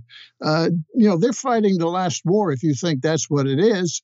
Uh, technology does not permit that. Uh, you know, the latest, even non nuclear uh, technology, you know, where you have all kind of surveillance and you know exactly what the other side's doing. I mean, Russia knows even where where the mercenaries and the generals and and and uh, uh, you know the advisors are congregating. I mean, they know exactly where everything is, and the other side probably does too. Uh, plus, uh, you know, there's there's no way uh, with with drone technology and smart bombs and smart missiles and so forth that all of these uh, tank uh, armored tank battalions uh, they're, just sitting ducks to modern artillery here. So I don't see any offensive being successful. I think Russia's strategy is to allow Ukraine to uh, uh, destroy itself, beating its head up against uh, you know the defensive wall, and when it weakens, maybe then uh, Russia will move forward. Uh, but Russia is not going to try to do what Ukraine is doing right now. Uh, it, it's unnecessary because this thing will be resolved politically in in the West as the West loses interest and ability uh, to uh, feed continually money and arms uh, to Ukraine. There's a limit to that, uh, and and at some point it's going to break. Uh, or you're going to have political changes going on in parliaments and, and Congress in the U.S., and, and that's going to be the end of it. That's a smarter strategy for Russia than trying to uh, uh, race across uh, the plains of Ukraine. You see, mm-hmm. that's a winning strategy. So it means militarily they're, they're digging in in the four oblasts there. Uh, you know, they may try to take more ground in the oblast, but they're not going to go beyond that. Um, and uh, they're going to uh, wait it out until uh, the 2024 election and see what happens. You know, you know, really quickly, Garland. One of the things that's interesting in reading this piece from Jack, with also with him being an economist, is uh. I'm sorry, Scott Ritter talks about the mathematics of war, mm -hmm. and he talk and and and Ritter used to spend a lot of time talking about the math of war, and he was saying the same thing that Jack's saying. You know, Dr. Jack. Oh, and, is, huh? Yeah, and here's another thing. If you look at it, um, they the, the the neocons want oh we want uh, Putin to be overturned to be replaced. What they don't realize is the people who are opposing a huge part of the opposition to the way the war is being conducted is people in Russia saying, look. We have the power. They don't even have they they we have the numbers, everything. Let's crush them now and be done with it. Let's just go across the lines and put them down once and for all and in this thing. And then you have the Putin contingent who seem to be, and this is my interpretation, more like what you're saying. Look, we're we're dug in. These fools keep coming into the into our machine gun nest as long as they want to keep doing this, why should we do an offensive, lose a bunch of people, you know, to take to, to, take some ground when we can sit here and time is on our side. Everything, the support in the the, the political support is going uh, south. The ability to provide weapons is everything's going south. So even if the neocons got what they wanted and and President Putin was re, was replaced, which it isn't going to be happen, it would be a much more hawkish um, contingent of politicians, Dr. Jack. And as Scott Ritter says, and I, I, I keep repeating this because I find it so funny and so adept, Russia will run, will run out of targets before they run out of artillery. Exactly. Uh, uh Dr. Jack. Yeah, well, if if you apply the principles of war, you know, that that have been relevant uh, from Clausewitz, you know, through uh, uh, Napoleon, uh, you know, his theorists, uh, Hart World War II, uh, Mao, Giap, Giap and, and, others, they still apply here. And if you look at U- Ukraine, uh, it's it's a scenario totally against uh, any any success. First of all, they don't have sufficient sort, uh, re- forces to, to concentrate. Uh, secondly, they have external lines of communication and logistics going all the way back to Washington that that's dribbling uh, um, you know weapons to them uh, bit by bit. Russia has internal lines, which is a big matter Uh, there's no mobility and surprise anymore. Uh, they caught the Russians off guard in Kharkov here uh, briefly, you know, last year, uh, but uh, that that's not going to happen again. They're running out of reserves. The quality of their reserves are are, are declining, if not the quantity. Uh, that's why I think you know it's possible that Poland and Lithuania, by the way, may send troops, support troops to Western Ukraine, so that um, you know Zelensky can free up more troops and throw them into the cauldron there in Eastern Ukraine. Uh, that that's quite possible. We'll see what happens with the July 12th uh, NATO meeting. Something big is coming in that meeting. I'm not sure what it is, but uh, you know. Uh, uh, the, the, Polish president and the Lithuanian president meet secretly, quietly with Zelensky last week. What's that about? Unannounced, you know? And then CIA Director Burns, he's shuttling back and forth by the week. Something's afoot uh, around this July 12th meeting. And, you know, we can all speculate what that means. Uh, they'll either double down uh, or they will uh, throw a, a a fig leaf uh, at the Russians saying, okay, well, we won't bring them into NATO. We'll just give them a security agreement, you know, NATO by another name. I don't think the Russians are going to fall for that. But uh, nonetheless, something's a, a, afoot here. Um, but you know, militarily, in terms of principles of war, uh, Ukraine has no advantage whatsoever anymore. And the U.S. military and even the European military must know this. They must know that militarily it's impossible now for Ukraine uh, to defeat Russia. And all Russia has to do is sit and wait and let Zelensky throw more and more troops into in, until his, his army either rebels or um, you know, mutinies uh, or he runs out of uh, bodies. Uh, that's one of those two is coming, uh, and it's probably coming, you know, within the next six to twelve months. Uh, so, why would Russia want to waste men and material trying to to do the, the dumb strategy that Ukraine is doing right now? When when they can sit back, which is what they're doing, let the Ukrainian and Zelensky, uh, you know, bat its head against the defensive stone wall there and get wiped out by artillery. Um, and uh, you know, time is on on Russia's side here because the principles of war are on Russia's side, and the neocons are really stupid. You know, politically stupid and militarily stupid. Um, and I think there's an element, similar element in Russia, thinking, oh, you know, let's do 1943 all over again and just uh, throw it all at them. Well, you need two million men to do that. And Russia's not going to raise 2 million men, and there aren't 2 million Ukrainians left.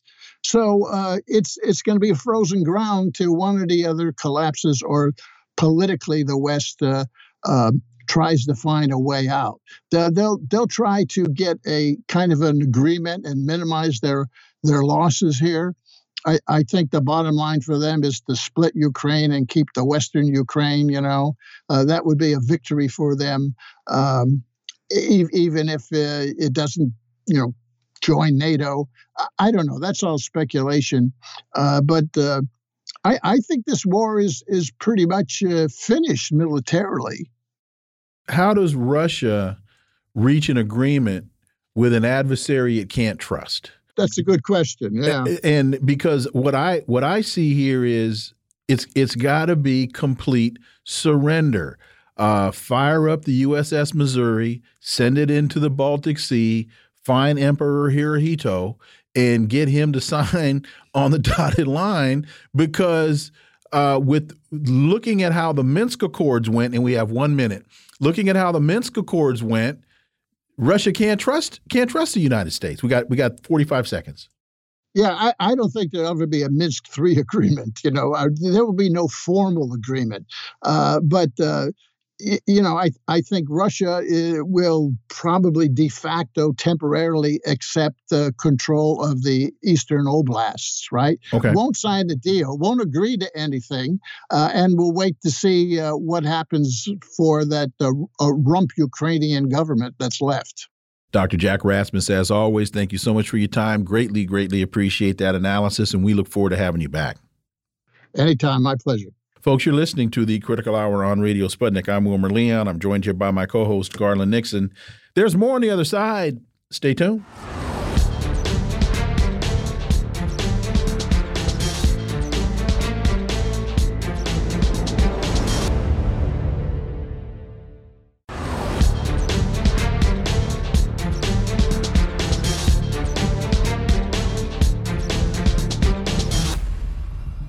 We are back, and you're listening to the Critical Hour on Radio Sputnik. I'm Wilmer Leon, joined here by my co host, Garland Nixon. Thank you, Wilmer.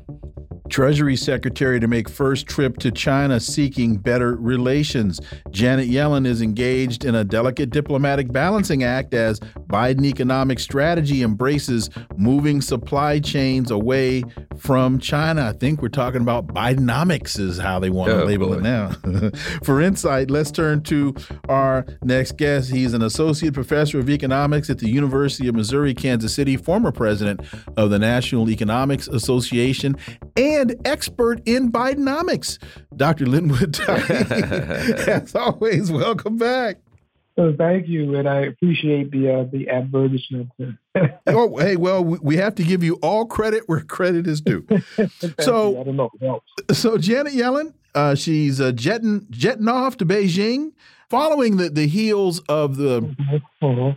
of the Tony Blinken uh, whipping that he went and took, and I what I would say is really the failure of his of his efforts. And then you've got on the heels of that, you got President Biden, and he's saying that uh, President Xi is a is a dictator. So uh, no love lost there. What is the Treasury Secretary there trying to do other than beg China to stop selling off their U.S. securities? Well, I think that's certainly going to be a an important uh, ask for Yellen. Is that uh, China have, I guess, more confidence in the U.S. economy uh, and and the U.S. ability to pay its debts, while at, while of course it's also um, uh, asking China uh, to to stop growing and uh, to to not to, to, to not become a, a, even greater economic power. So uh, you know there there are uh, supposedly no expected breakthroughs from this visit, but it is kind of a, a, beginning of kind of a rapprochement on on relationships uh, probably the, the relationship that was was was broken by Biden after Blinken came back from from China. So uh, Yellen is probably trying to clean up that mess as well. What do you think about um, the issue of the U.S. needing China to buy Treasury bills. That, and you know, I've heard it discussed like this: 2008, they bailed us out really by buying a lot of our Treasury T bills, and that now, if they were to stop buying, or we we were to be in another jam and we needed them, and they didn't do it, we'd be in trouble. You, you, what, what, how much reality is there to that discussion? Well, I, I think uh, you know from a modern monetary theory approach, um, the, the, the idea is that the U.S. doesn't need to sell Treasury notes to anyone uh, in order to finance its government. So, but but under Orthodox theory, yes, uh, the U.S. if it's going to go into deficit spending, it needs to borrow that money, and China has uh, three trillion U.S. Uh, dollars uh, in in its coffers. Uh, about a trillion of that is in U.S. Treasuries, uh, and China has has accumulated those dollars over the over the 50 years by providing goods by providing employment uh, to uh, by providing labor uh, to to U.S. companies producing things like T-shirts and Nike shoes and so forth. So so so the money that that China has accumulated uh, it didn't, you know, go into a bank and steal it. It it uh, it uh, received that money by be, be, being an a, a big business partner with the U.S. with U.S. corporations, and of course they they have the ability to to to buy what they can buy with that, and U.S. Treasuries is is something that they can buy. So they're they're doing what they were expected to do. In fact, uh, that money, uh, that three trillion dollars, as it comes back to the U.S um, actually uh, increases the ability of the U.S. economy to grow. And so, and so that's it's a, it's a good thing that that China has returned those dollars to the U.S. It's not a bad thing. Understanding that China has what they call the win-win policy or strategy, and and and and they, by all indications, they're serious about that. China has reached out to the United States on a number of occasions asking the United States to work cooperatively with them on projects. And the and, and 5G is one that st that stands out to me having spent years in the telecom industry. And the United States says no. I'm trying to figure out how the United States goes to China and begs them for concessions and and begs them for the things that you've just talked about when when I guess President Xi's response would be well how many times did I ask you to work with me and you told me no? And and so why are you here? What do you expect me to say? Go away. And and then I listen to people like um, Nikki Haley talking about China is stealing money and China is stealing technology from us and we have to stand up against China. Well, it may be the case that, that China is uh, uh, using uh, American technology without um, uh, in violation of patents, but but it's also the case that the U.S. is doing the same the same with China. Um, you know, uh, uh, innovators, scientists, and engineers who who um, create new products anywhere in the world. you know, they go to conferences and they share that information. The Chinese do, the Americans do and and and others will use that. Now, it it is not a new thing that uh, countries will use other countries' technology. The U.S., in fact, uh, has has done that throughout its history. Uh, and so and so, if the Chinese are doing that, then they're they're not doing anything new. Um, but you know, there there's there's something that uh, that is that needs to be, I guess, understood about Janet Yellen. Janet Yellen is not coming into this process uh, as a neophyte or as someone who hasn't uh, previously made statements about China. You know, China. Uh, Yellen has has commented that uh, that the Chinese state-driven capitalist approach undercuts its neighbors. Um, uh, China doesn't think of it that way. It thinks that its uh, its growth is in fact good for its neighbors if its neighbors want to want to participate with that. Um, uh, it, you know, the, Yellen has has uh, indicated that the, uh, the the real concern with China is that the U.S. is to maintain its security interests, and I suppose that means things like making sure that the um, the chips in in, in um, U.S. Uh, purchased uh, cell phones don't have backdoors that the Chinese can use for espionage and so forth. I would expect that that U.S. Uh, chip manufacturers also do that with their chips uh, for national security interests. And uh, Yellen has also uh, said that uh, this is not uh, that the interests of security and values that the U.S. is upholding is not to create a competitive advantage against China. I don't think the Chinese will believe that. Washington Post reports Biden says he's reshaping the economy. Economists say it's too early to tell. The only thing that seems to me they're reshaping is their rhetoric. This seems to be standard neoliberal capitalism through Joe Biden. And, and we're talking to an expert in Bidenomics. How about that? Yeah, yes, uh, as, as, thin as it is. uh, uh, yes, I, I think I think it is all rhetoric. It's all public relationships. It's all um, uh, what do they call um, um, visioning or I forget the term, but it, but it's all appearances.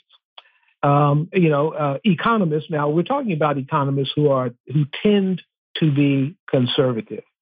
Uh, tend, you know, if you're if you're a standard economist, you, you tend to to believe in in the free market and other kinds of things. Um, but but Bidenomics is supposedly going against the free market uh, by establishing, let's say, winners and losers in terms of, of, of companies that the U.S. will will subsidize. And uh, you know, Biden is comparing himself to FDR. Uh, the idea that um, that uh, Biden uh, is going to introduce a new New Deal, while at the same time his history is to to uh, to decrease and privatize Social Security, is is is kind of laughable. So Biden has been going in the opposite direction of Bidenomics uh, pretty much all of his life. I, I, don't expect that he's now been been a Bidenomics convert. It it just seems that it's a talking point uh, for the next election. Uh, it's a curious uh, uh, talking point because only 33% of the public uh, think that Biden has what Biden has done has improved the economy. It is a weak spot, and I suppose that's where you might have to start politically in trying to get more support for your weak spots. Jason Furman, an economist at Harvard, says, and he was a former advisor to the Obama White House, says the policies Biden has passed are pretty good, but most of them are advancing goals that aren't economic or are longer term and have relatively little to do with where the economy is right now that takes me to the adage that most politicians ask Are you better off now than you were four years ago? And so, all of this stuff that Joe Biden is touting, he says is very much uh, middle out, bottom up, growing the middle class. This is uh, Lael Brainard, director of the National Economic Council, says. But again, when we look at when you step out into the street in DC, in Detroit, in Oakland, in Los Angeles, there are too many people living under bridges and boxes and, and laying in the street for me to figure out that Biden has done anything great for the economy in in in in the in the recent past. Yes, by, by polls in the uh, beginning of 2022, about 60 percent of those who were polled said that they were uh, better off than they had been a year ago. Now, that year ago was was pandemic year. Right. It was 2021. Uh, right now, only 33% say that they're better off than they were before. That's a significant drop uh, from 60% to 33%. So the public is is not saying that they're better off with Biden's policy. In fact, they're saying just the opposite. Um, what what the Biden administration, through its its optics, is attempting to do is to convince the public that they shouldn't believe their lies. They should simply believe his what he's saying to them. Oh, don't believe your lying eyes, and don't believe the zeros in your in your in your checking account. Yes, yes, don't believe them. And also, the Wall Street Journal industries relying on thriving downtown suffer from remote work. Oh, there's a whole lot happening as a result. Of, you've got real estate, um, uh, economics, et cetera. Your thoughts? I think this is a, a, a certainly a serious problem uh, that uh, you know downtown uh, cities are suffering because persons people are not going to work downtown and therefore they're not going to lunch downtown uh, they're not commuting downtown this is a, this is a serious displacement of of spending but it, it is a displacement. If if persons are not spending that money that they're saving by not going downtown, if they're not spending it downtown, they're spending it where they are. I mean, people have to eat, and so they're going to buy food. They're just buying it where they are.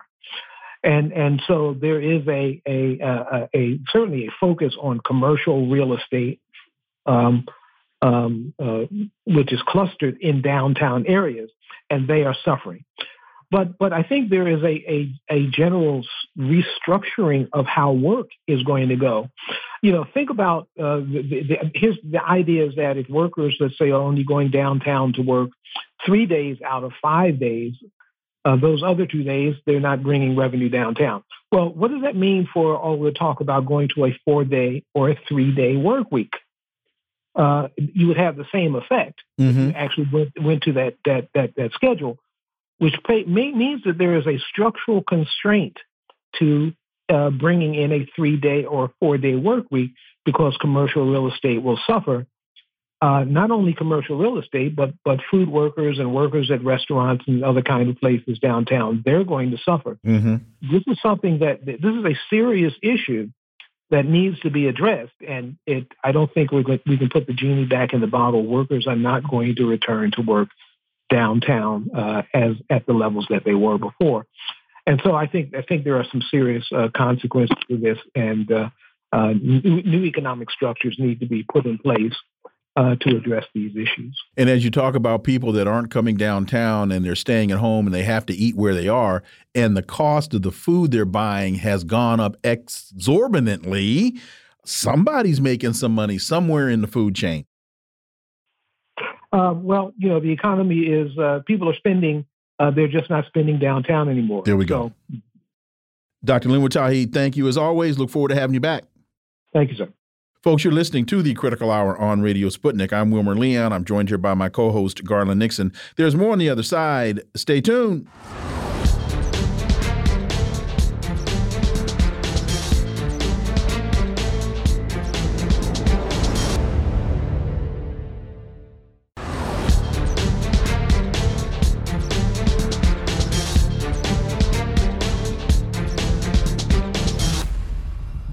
We are back, and you're listening to the Critical Hour on Radio Sputnik. I'm Wilmer Leon, joined here by my co host, Garland Nixon. Thank you, Wilmer. Open Democracy has a piece entitled Meet the Indigenous Women Taking on Corruption in Guatemala's Elections. Indigenous women are challenging the country's powerful elites in the elections on June 25. Well, I think Guatemala's elites were in trouble. For insight, let's turn to our next guest. She's the Latin American coordinator for Code Pink, joins us from Managua, Nicaragua, Teri Mattson. Teri, as always, welcome back. Thank you. Nice to nice to be back. So it was an, it was anticipated that the that the June 25 election would be transformative for the country's uh, country as indigenous women activists were seeking to break into the political arena in an attempt to promote women's rights, environmental policies, and other progressive measures that aim to help poverty stricken indigenous and rural communities. And that made me think about uh, Frantz Fanon, who uh, who warned us when women get involved in the battle, you have now met an enemy that you cannot defeat. Looking at the June 25 election, were the women able to bring about the impact that they were seeking to have?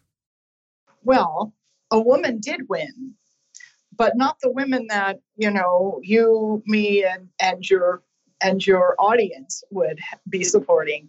Um, you know, the, the indigenous population, principally Mayan in Guatemala, is, I think, almost 44% of the recognized, you know, population counted by the census. So how many more people are, you know, living in communities that aren't formally part of the census, you know, who knows. But uh, so I think it's like formally 44% of the population. And as as the three of us discussed prior to the 25 June elections, the, there was a lot of manipulation by the Guatemalan Electoral uh, Council as well as the Supreme Court in finding idiosyncrasies with each major campaign that prevented candidates from either being on the ballot, which was the indigenous uh, ticket. I think that was February. Was decided that they uh, that ticket didn't qualify, and then even as recent as one month, almost one month to the day, so late May, May 25, prior to election day, June 25, the front runner, who was a conservative businessman, Pineda, he was disqualified to run. Some sort of the Supreme Court decided that his party determined who candidates would be the prior November in an improper way. But there was no, um, and those were not the only two uh, excluded from the ballot, but it was all for very nebulous, unexplained reasons. And this is what you know, those of us who do international election observation call capture of state institutions, where no matter how large of a party you have, no matter how well organized you have, even in some cases, no matter how much money you have behind us, the state infrastructure has been captured by specific class elites with specific political um, priorities, a specific political paradigm that prevents candidates from running. And so when you see even a conservative right wing businessman who was at the time the front runner disqualified a month before election day, you can really see how the institutions have been captured. And I think when we talked prior to election day, we were looking at two women. So, you know, gender doesn't necessarily matter if the politics and class position don't help the, the majority of the population. Um, uh, Rios Montt's daughter was running by, by the Guatemalan constitution. She, being directly related to a convicted felon, was prohibited from running. But the state institutions allowed her to stay on the ballot. And the person who did win with 15% of the vote was Sandra Torres, who is another uh, compatriot of, of, of Rios. So, yes, women won, but not women reflective of the class, economic, political needs of the majority uh, of the women in the 44% indigenous community. So that was a really, uh, it was a big disappointment in that regard, but it's a really important case study in what happens with the capture of state institutions. And this is one of the things that we discussed last week on our What the F is Going On in Latin America episode. We specifically talked about Mexico and the current president, um, Lopez Obrador, uh, wanting to reform the Instituto Nacional Electoral, so the National Electoral Institute, which oversees elections because that institute has been captured for decades by a specific class in in Mexican society. And so they attempted earlier this year, February, I believe, uh, to institute reforms that included defunding uh, jobs that were overlapping with one another, um, removing people from office who claimed they had organized elections in their district and had been funded through the INE to run those elections. And of course, the elections never happened. These would be local, you know, municipal things.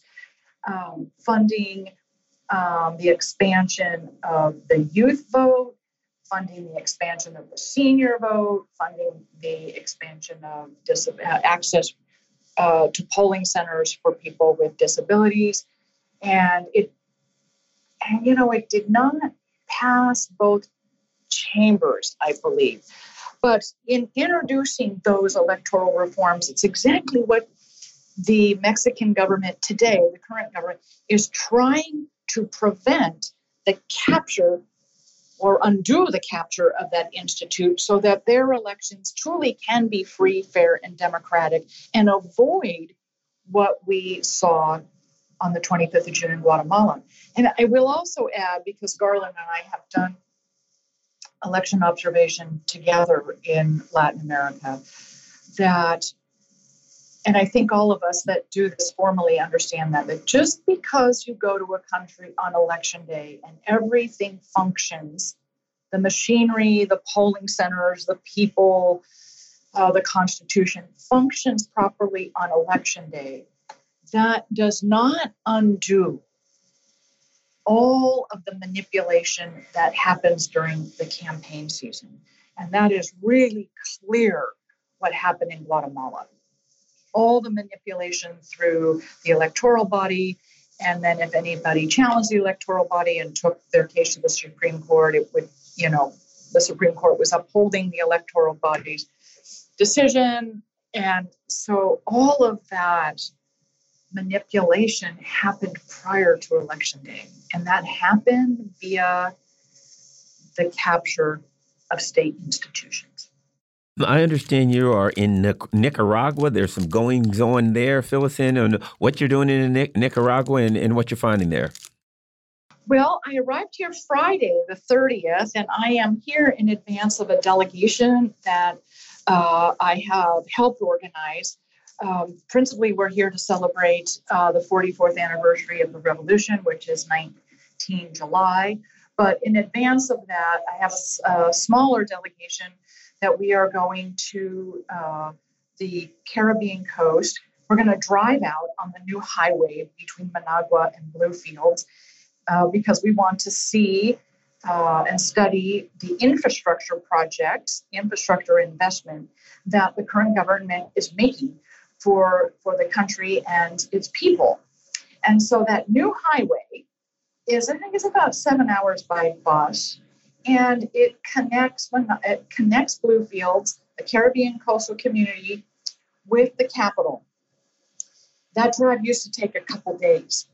And so that what we want to see is the impact that that new infrastructure has had on communication, on trade, on healthcare, on education, all of those things that, that really good, efficient public transportation brings to a community.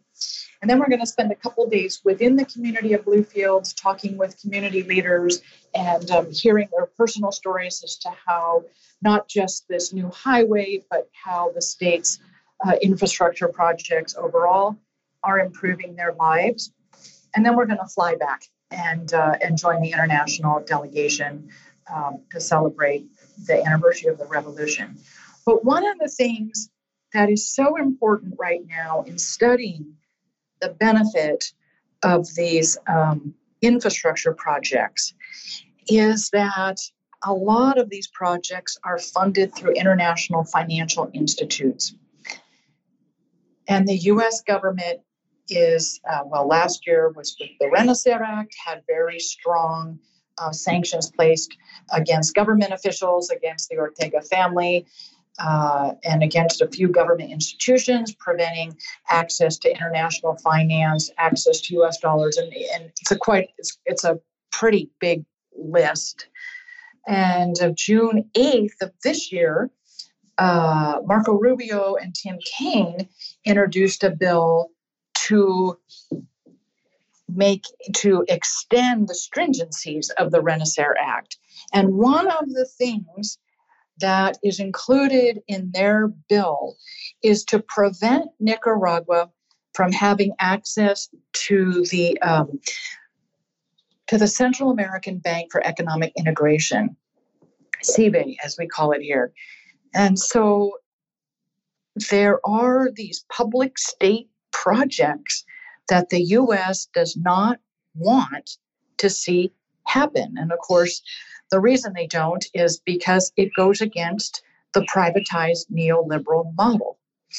And so we are here to oppose more sanctions on Nicaragua and to also clearly, you know, meet with the people and and personally experience some of these infrastructure projects to really see how they're uh, benefiting uh, the majority of Nicaraguan society.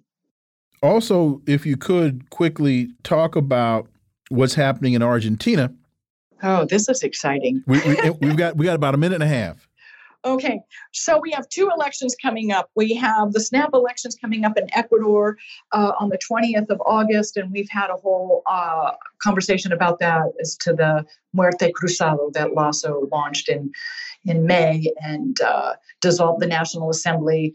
Uh, he resigned, and now the presidency and the National Assembly will be decided new elections on 20 August. He is not running, um, and then uh, in Argentina, there's presidential elections in October, and the current president, um, Alberto Fernandez, and the vice president, Cristina Kirchner, uh, decided as party leaders, and they are the leaders of the Unión por la Patria, or the Unity Party, as we would say in uh, Union for the Patria in English. Uh, they chose the president the, the ticket for mm-hmm. their party. We got 30 and seconds. Sergio Massas and Agustin Rossi. And the objective is, like Mexico going into its elections next year, to hold the party together and have everyone who was interested in running for president unite around that ticket. Teri Mattson, as always, thank you so much for your time. Greatly, greatly appreciate that analysis. Safe travels, and we look forward to having you back. Thank you so much. Always a pleasure to talk with you. Folks, you've been listening to the Critical Hour here on Radio Sputnik. Thank you for allowing our voices into your space. On behalf of myself and my co host, Garland Nixon, we hope you were informed and enlightened. We look forward to talking with you all right here on Wednesday on Radio Sputnik, for we will be off for the 4th of July holiday. Be safe. Peace and blessings. We're out.